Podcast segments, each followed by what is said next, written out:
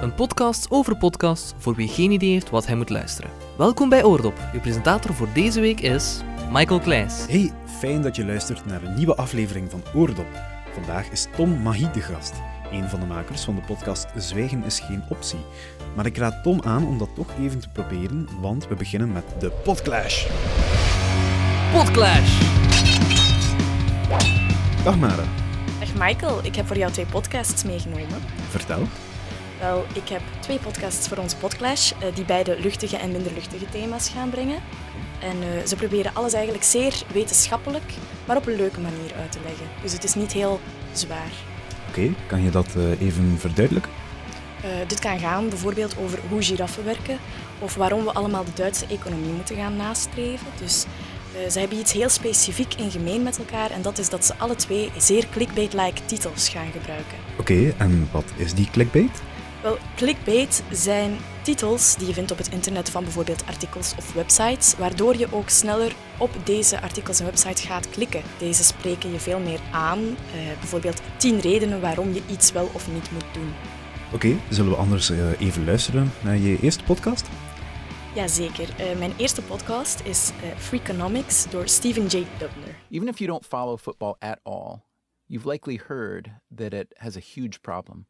It was really when guys started blowing their brains out and having their you know their brain tissue examined for a degenerative brain disease that's when things started getting pretty icky That's Alan Schwartz. and I'm a journalist and author based in New York. The brain disease is called CTE, or chronic traumatic encephalopathy. Het komt uit de aflevering How Much Brain Damage Do I Have? Je hoort een American football player die stopt wegens een nieuwe studie die een link legt tussen de sport en hersenschade.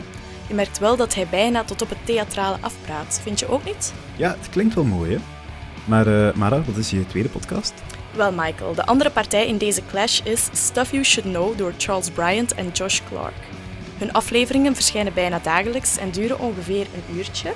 En daarom gaan we nu meteen even luisteren naar een fragmentje ervan. There's a really great question. Why do men have nipples, Chuck? Yeah, uh, I have a funny little story about this. My sister and I were hanging out about probably about 15 years ago, and I was they had a male dog, and I was uh, rubbing the belly, and the dog had very like just pronounced nipples, more so than you you would usually see on a male dog. Okay. And I guess I never noticed before, and I was just like, I was kind of grossed out. I was like, God, why does your dog have nipples? And she was like, You have nipples. And then it just like it was an awakening. Je merkt wel dat eh, Charles en Josh veel spontaner met elkaar gaan praten. Hè? Ja, dat wel. Het fragment komt uit de aflevering Why Do Men Have Nipples? Eh, de titel spreekt voor zich. En zij gaan nog ietsje luchtiger om met hun thema dan Stephen J. Dubner dat doet. Charles, eh, a.k.a. Chuck Bryant, legt in het fragmentje uit hoe hij eigenlijk op het thema van de aflevering is gekomen. Het heeft wel een eh, zeer specifieke stijl, hè? Ja, dat klopt, Michael, maar ik denk wel dat het echt de moeite is om in zijn aflevering mee te pikken. Dus voor wie graag naar podcasts luistert, maar geen idee heeft naar wat of welk thema, of ben je zelf gevoelig aan clickbait, dan zijn deze echt wel iets voor jou. Mara, ben jij ook eh, zeer gevoelig aan clickbait? Ja, eh, dat kan je wel stellen. Ik ben echt eh, zeer gevoelig aan clickbait. Garme. Dankjewel, Mara. Graag gedaan, Michael. Dag Tom, jij bent de maker van, of een van de makers van, Zwijgen is geen optie. Ja. De slagzin van jullie podcast is schone gesprekken met bewonderswaardige mensen. Wie zijn voor jou bewonderswaardige mensen? Dat is een zeer goede vraag. We hebben daar een heel ruime definitie van, van bewonderenswaardige mensen. Eigenlijk is het een beetje... Het is allemaal vertrokken met door een interview met Muriel Scherre, ongeveer een jaar geleden. We wouden mensen interviewen voor, de titel zegt het al, voor wie zwijgen geen optie is. Mensen die ondanks tegenslagen of ondanks tegenwind toch hun mening naar voren brengen of iets doen om de wereld te maken zoals zij hem dromen.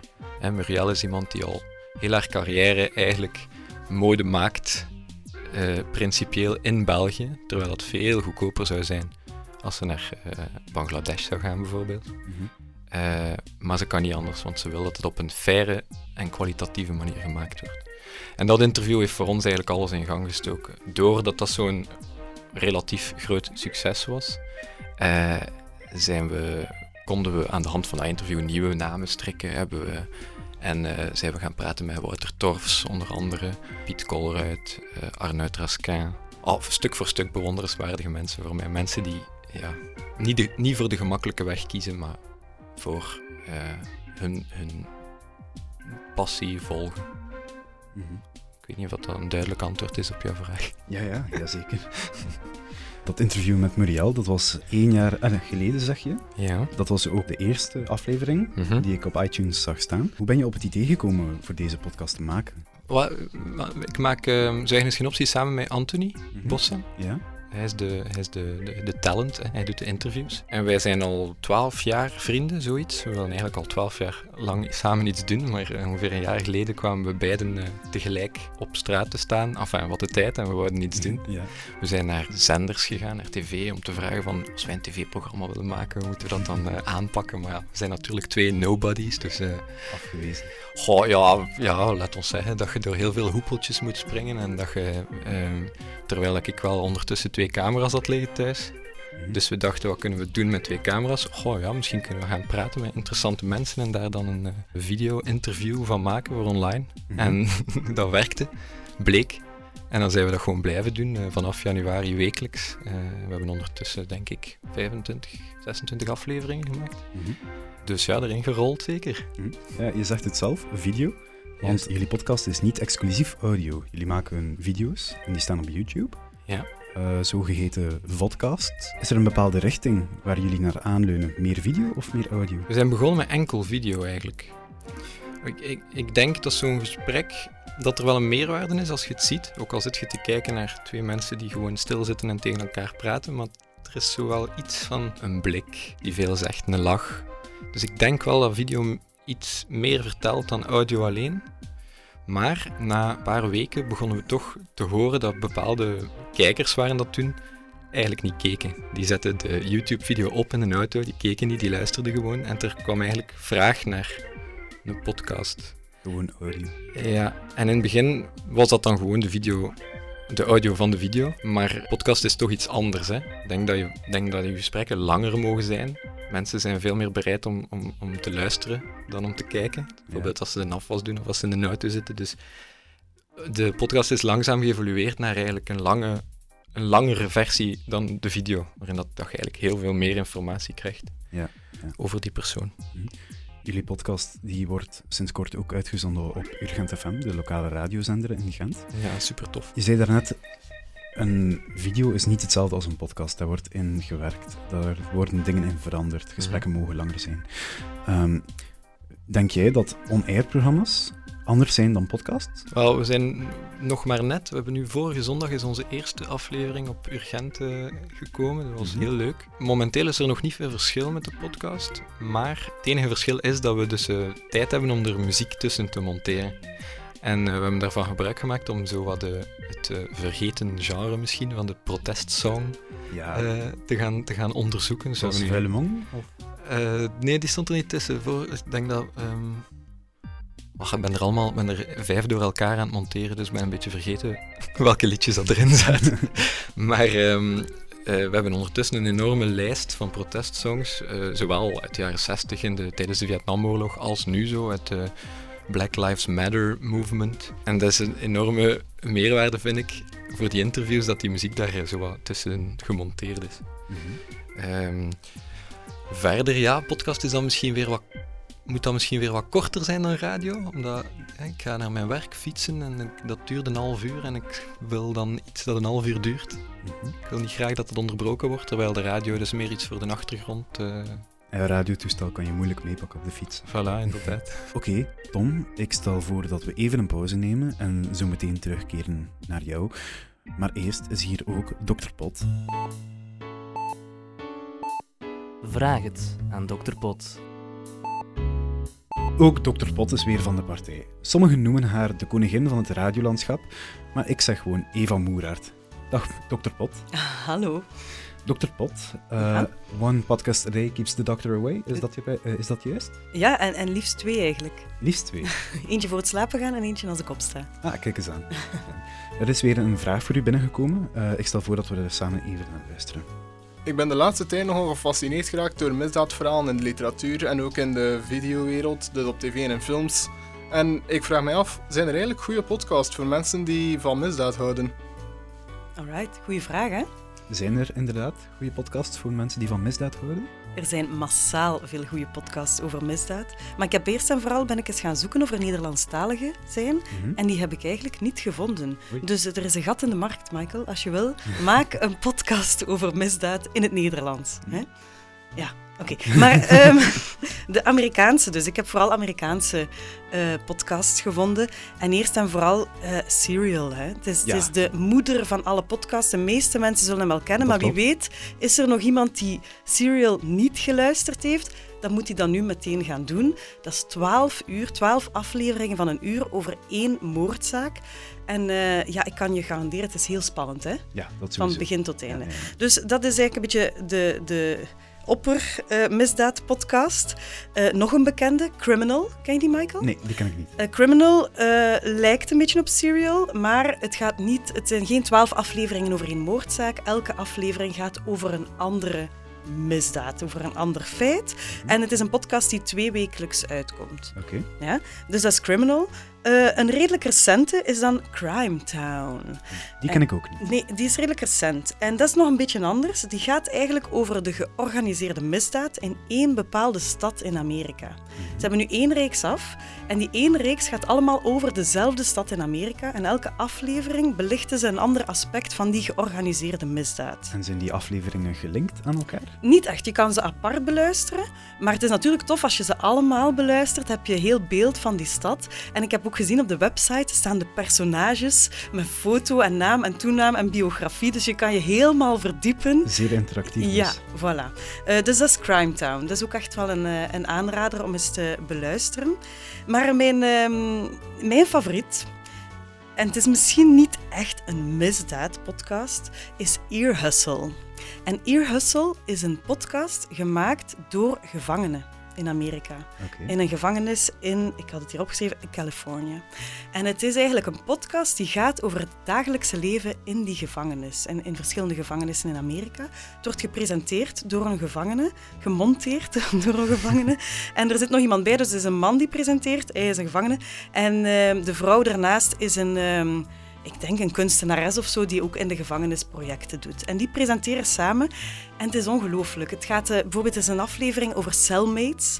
En dan gaat het erover van, ja, mag je kiezen met wie je op cel gaat? Dus hoe langer je in de gevangenis zit, hoe meer je mag kiezen bijvoorbeeld. Hoe belangrijk is dat, zo'n cellmate? Dus altijd één bepaald onderwerp vanuit de gevangenis. Ja, voilà. De laatste die ik gehoord heb, ging over seks met je man of vrouw als je in de gevangenis zit. Je moet daarvoor trouwen met die persoon. Dus heel veel mensen trouwen als ze in de gevangenis zitten met een vriend of vriendin, want dan mogen ze daar apart mee in een kamertje om seks te hebben. Allee, daarover ging dat en het zijn heel, heel eerlijke getuigenissen. En, ehm, en het is mooi en het is, ik leer elke keer bij. En, het is niet ehm, alledaags, hè? Zeker niet. En ik vind het ook ongelooflijk dat het wordt uitgezonden.